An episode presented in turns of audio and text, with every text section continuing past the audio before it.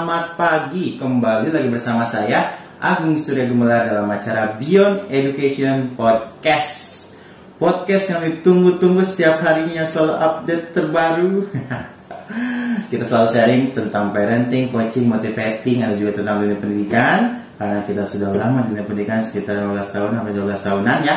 Terus satu juga dan ada lagi di sini konten kita yang selalu update juga. Uh, sekarang mulai uh, penonton kayaknya ini nih apa ya sudah tidak bertanya lagi.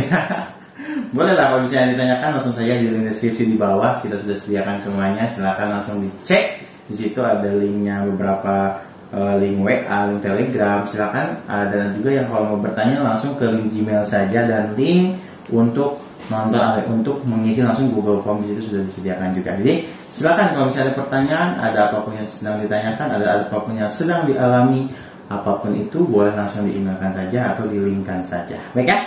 Dan jangan lupa kalau misalnya mau bertanya atau eh, mau mendengarkan lewat radio online Indonesia juga kita sudah tersedia di Spotify, di Apple Podcast, Google Podcast dengan kata kunci Beyond Education Podcast. Jadi jangan malu-malu untuk mampir ke channel kita.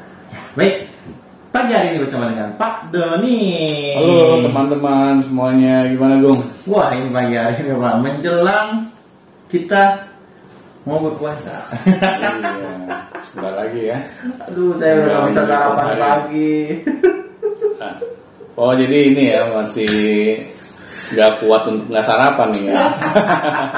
Iya biasanya kita makan 10 sekarang harus menahan dahaga itu ada hikmahnya apa sih Pak? Ya? Iya dong, kan banyak manfaatnya ya di iya. bulan puasa ini kita dapat menahan hmm. apa namanya uh, makan dan minum hmm. dan itu juga ternyata kan dampaknya besar bagi kesehatan. Iya betul juga ya. Iya. Bisa. Pasti bisa. Pagi hari ini kita ngobrolin apa nih Bang? Ya pada pagi hari ini kita akan membicarakan tema parenting ya yang saya beri judul kita sebagai orang tua harus mau mengajarkan cara berpikir kritis kepada anak. Ush. Kayaknya kalau yang kritis-kritis kayaknya orang tua nggak setuju iya kadang kita alergi loh. Apalagi kalau misalnya nih kita sebagai orang tua yang biasanya anak itu maunya kita selalu nurut hmm. apa yang kita mau. Hmm. Jadi ketika anak misalnya mempertanyakan. Apa yang diinginkan oleh orang tuanya, kita sepertinya menganggap anak itu kurang ajar. Hmm. Kita tidak suka gitu hmm. mendapatkan feedback dari anak yang kita tidak inginkan. Iya, iya kayak kayak ini kayak kayak nggak mau kalah gitu. Nah di situ kita merasa bahwa orang tua itu yang paling benar dalam segala hal. Padahal kan kita masih manusia biasa yang selalu berbuat banyak kesalahan. Tetapi ketika anak mengkritisi apa yang menjadi arahan kita, kita tidak terima. Karena terikat dengan yang namanya budaya timur. Yaitu anak harus selalu patuh pada orang tuanya. Saya tidak menyalahkan ya budaya timur. Tetapi kita juga harus sebagai orang tua juga berpikir kritis gitu. Kalau misalnya kita ingin memiliki anak yang patuh kepada kedua orang tuanya, itu hal yang benar. Tetapi jangan sampai bablas. Bablas di sini kita tidak mau mendengarkan misalnya gagasan atau ide dari anak mengenai apa yang kita arahkan kepada mereka. Nah, berarti kan kita di sini menutup potensi anak agar mereka berpikir kritis. Nah, di sini kita nggak sadar dengan dampak bagi masa depan anak-anak kita, Bung. Misalnya begini, misalnya anak tidak kita ajarkan untuk berpikir kritis.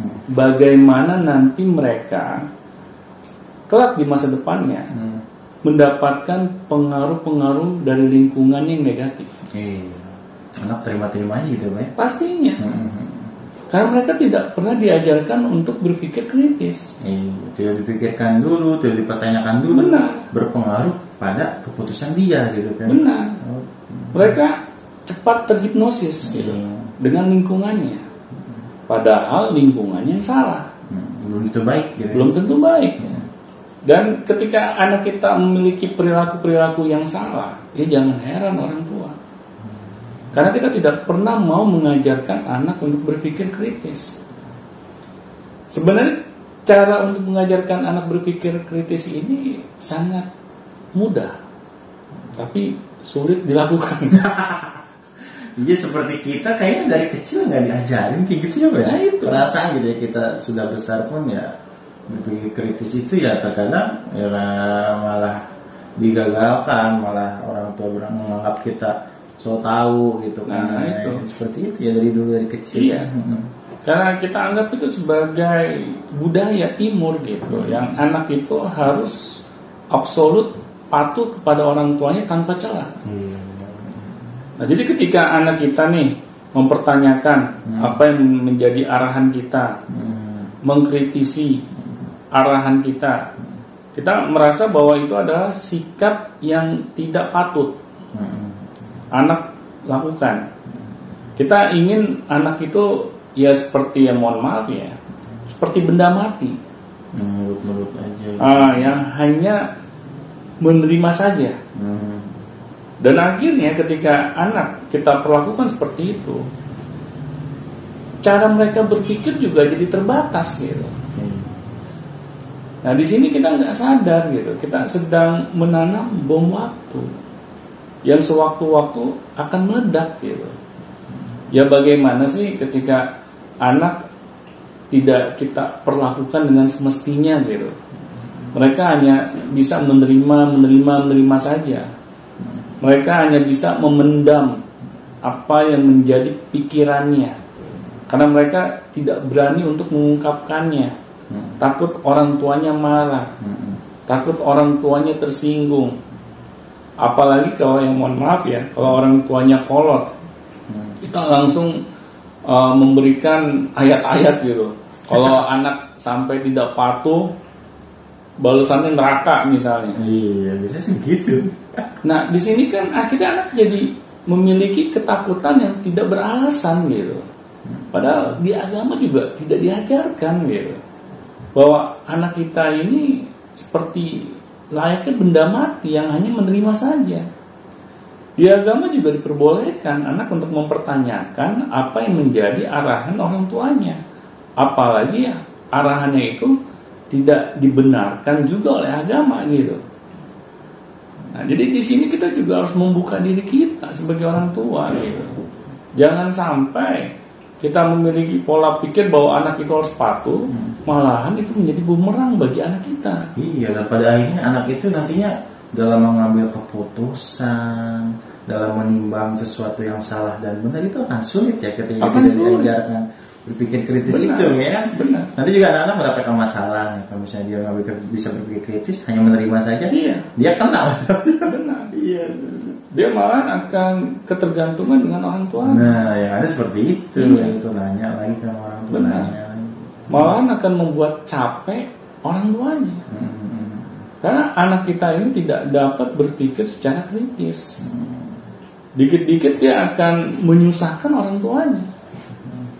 Nah, di sini kan akhirnya ya kita membuat anak kita ini tidak berdaya, Bung. Seharusnya kan kita sebagai orang tua itu bukan hanya bisa menyuapi anak gitu. Tetapi anak harus kita ajak agar dia bisa berdiri di kakinya dia sendiri. Ajarkan kepada anak pentingnya dia untuk berpikir secara kritis. Nah, kalau kamu misalnya merasa ada hal yang salah, meskipun itu orang tua kamu, kamu berhak nak mempertanyakannya. Kamu berhak men-challenge-nya. Tapi tetap dengan kata-kata yang baik. Iya, cara penyampaian yang baik. Ah. Kita harus ajarkan. Kepada anak karena anak itu belum paham gitu. Jangan sampai mengajarkan ini teman-temannya. Hmm. Ah, kamu digituin aja sama orang tua, kamu mau aja. nah, Iya, iya. Coba dong kamu kasih tahu orang tua kamu Hmm. kamu nggak bisa diperlakukan seperti ini nah Nah, jadi bumerang ya. akhirnya kan karena temennya mengajarkan malahan ini yang membuat anak kita jadi kurang ajar Iya. nah di sini kan orang tua harus bijak gitu oh anak-anak kita ini memiliki keterbatasan kosakata nah di sini perannya orang tua untuk mengisinya gitu dengan kosakata kosakata yang benar dan baik agar anak-anak juga ketika dia menyampaikan maksud dan tujuannya dia dapat menyampaikan dengan baik Gung. Nah di sini pentingnya makanya orang tua harus gitu mau Hmm. wajib hukumnya kita mengajarkan kepada anak cara berpikir kritis. Berarti ada hubungannya juga dengan karakter ya Pak berpikir kritis ini ya Pak ya? Iya, Jadi karakter anak itu eh, bisa tumbuh atau bisa bisa berkembang kalau misalnya anak itu memiliki dasar dari berpikir kritis itu mungkin ya. iya karena kan karakter ini adalah kumpulan gitu Hmm. dari perilaku yang kita lakukan selama ini. Akhirnya itu yang menjadi karakter di dalam diri kita. Kalau kita tidak mengajarkan kepada anak. Hmm. cara berpikir kritis,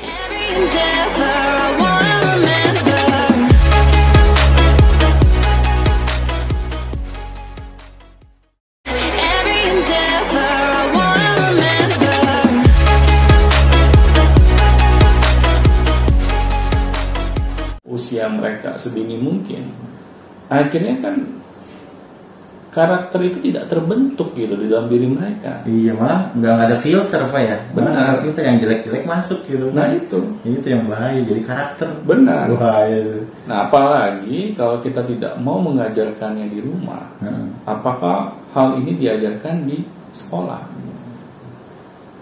Sedangkan di sekolah yang kita ketahui ya, Iya. anak itu hanya jago dalam hal menghafal. Dia hanya sekedar menyerap apa yang dikatakan oleh guru-gurunya. Ya kan kita lihat nih, kalau misalnya ada anak bertanya di dalam kelas, Iya, nyeleweng lah gitu ya. Ah. Pertanyaan itu yang aneh-aneh itu dianggap salah gitu. Benar. guru kadang tidak bijak gitu Iya. dalam menyikapinya. Mereka kadang malahan tidak suka gitu kalau anak itu banyak pertanyaan. Padahal dengan anak itu bertanya, anak itu berpikir gitu. Jangan salah. Ketika orang bertanya, itu bukan berarti orang itu bodoh gitu. Tetapi orang itu berpikir. Dia ingin mempertanyakan gitu apa yang dia pahami. Nah, tetapi kalau kita tidak membiarkan ini terjadi, kita hanya ingin anak itu sekedar duduk manis di kelas, mendengarkan apa yang guru-gurunya katakan, ya sudah. Kita mematikan potensi anak. Kita hanya ingin menciptakan anak yang tidak bedanya dengan benda mati. Gitu. Nah, di sini kan akhirnya di sekolah juga tidak diajarkan cara berpikir kritis dan di rumah sama juga akhirnya anak yang akan terus menjadi korbannya Iya. nah ini kan terbukti gitu jangan orang lain ya diri saya sendiri deh saya ketika dulu memutuskan gitu setelah saya lulus dari tingkat SMA saya mau ngapain saya aja bingung gitu ya karena tidak pernah di challenge Iya, tidak pernah diajak berpikir, Iya. diajarkan berpikir gitu. Benar. Saya dari kecil baik itu mohon maaf ya, Hmm. bukan saya menyalahkan pola didik orang tua saya, tapi oleh orang tua, oleh pihak sekolah, saya tidak pernah diajarkan bagaimana memikirkan diri sendiri, memikirkan lingkungan, apalagi memikirkan masa depan. Nah di sini kan akhirnya ya wajar gitu kalau saya bingung dengan diri saya sendiri, saya mau ngapain gitu. Setelah lulus SMA ini gitu. Malahan kalau ditanya keinginan saya pribadi, maunya saya nggak melanjutkan kuliah. Hmm. Karena dulu aja di zaman sekolah saya benci datang ke sekolah gitu. Apalagi datang ke tempat kuliah gitu. Iya. Karena saya tahu saya akan mendapatkan hal yang sama lagi. yaitu duduk manis di dalam kelas dan hanya mendengarkan apa yang guru atau dosen sampaikan. Nah di sini akhirnya sulit gitu bagi seseorang mau berkembang gitu wawasannya, pola pikirnya. Karena kita selama ini menganggap anak-anak kita ini ya seperti layaknya orang yang tidak dapat berpikir gitu. ya. Iya dianggapnya nggak udahlah namanya anak-anak gitu kan. Nah itu kita terjebak dalam pola pikir yang seperti itu gitu. Bahwa anak-anak ya hanya anak-anak gitu yang mereka tidak tahu apa-apa. Yang mereka harus kita suapi saja gitu. Agar mereka memiliki ilmu pengetahuan. Tujuannya ya sebatas itu gitu. Padahal ilmu pengetahuan juga harus di challenge gitu. Apakah benar gitu? Misalnya hal yang disampaikan oleh guru kita Hmm. tentang suatu topik gitu. Nah ini kan harus di challenge gitu oleh anak-anak. Agar apa? Anak-anak juga memikirkannya. Nah siapa tahu dengan anak-anak kita ajak untuk berpikir seperti itu, itu membuat wawasan mereka semakin luas gitu. Dan suasana kelas juga akhirnya jadi hidup. Nah bagaimana anak-anak mau senang berada di dalam kelas ya kalau mereka hanya menjadi pendengar yang baik? Biasanya begitu pak. Ya nguap-nguap dikit sih biasanya. Ya sampai bayangkan ya teman saya dulu di zaman sekolah. Iya. Jadi setiap guru start bicara di depan kelas, Iya. langsung dia pasang alarmnya. Mau tidur maksudnya. Tidur. Jadi dia nentuin sendiri gitu kapan waktu dia bangun. Hmm. Karena guru nggak ada yang berani sama dia gitu kan. Pada takut gitu. Karena anak ini semi preman gitu kan. Nah bayangkan coba bagaimana anak kita dapat menikmati pembelajaran di dalam kelas kalau anak tidak kita ajarkan gitu pada mereka bagaimana caranya berpikir kritis. Karena dengan anak tahu cara berpikir, akhirnya mereka merasa bahwa dirinya itu ya memang eksis gitu.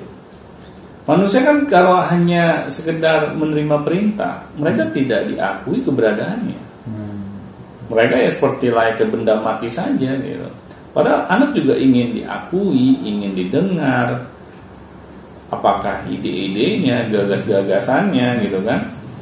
Nah ini yang harus kita peduli gitu. Apalagi kalau kita mengaku sebagai seorang pendidik. Jangan sampai di rumah tidak pernah diajarkan, di sekolah juga seperti itu gitu. Akhirnya bagaimana anak kita ini akan bisa survive di masa depannya. Padahal tantangan yang mereka akan hadapi di masyarakat itu akan jauh lebih sulit gitu dibandingkan hanya sekedar dunia sekolah dan dunia kampus. Apalagi kalau di rumah tambah nggak diajarkan. Makin pusingnya. Iya. Mereka akan mudah gitu terpengaruh dengan segala hal yang terjadi di dalam diri maupun lingkungannya. Iya, makanya sulit mengambil keputusan. Kita Benar. bakal pusing. Gimana Ah. nih, gimana nih gitu. Kita membuat anak kita menjadi tidak memiliki rasa percaya diri. Iya. Padahal dengan mereka pandai gitu dalam berpikir kritis, akhirnya akan timbul rasa percaya diri dalam diri si anak gitu. Karena mereka merasa bahwa mereka tidak dapat menerima segala sesuatunya itu ditelan mentah-mentah begitu saja. Mereka harus pikirkan gitu. Karena mereka tahu kok mereka tidak mau memikirkannya. Siapa tahu hal ini akan menjerumuskan diri mereka. Mereka tidak mudah untuk berhati-hati gitu dengan segala hal yang terjadi di dalam uh, kehidupannya. Nah, dan, dan ini kan menjadi masalah sebenarnya gitu. Kita hanya bisa menerima saja gitu apa yang terjadi di dalam kehidupan kita. Iya. Nah ini kan makanya sangat penting bagi orang tua mau mengajarkan cara berpikir kritis pada anak-anaknya. Karena kalau bukan orang tuanya siapa lagi gitu. Dan harus sejak dini sedini mungkin ya pak ya kalau bisa ya. Sedini mungkin gitu. Iya, nggak nggak harus nunggu SMA dulu, Benar. nunggu kuliah dulu, Benar. repot gitu kan. Benar. Agar apa?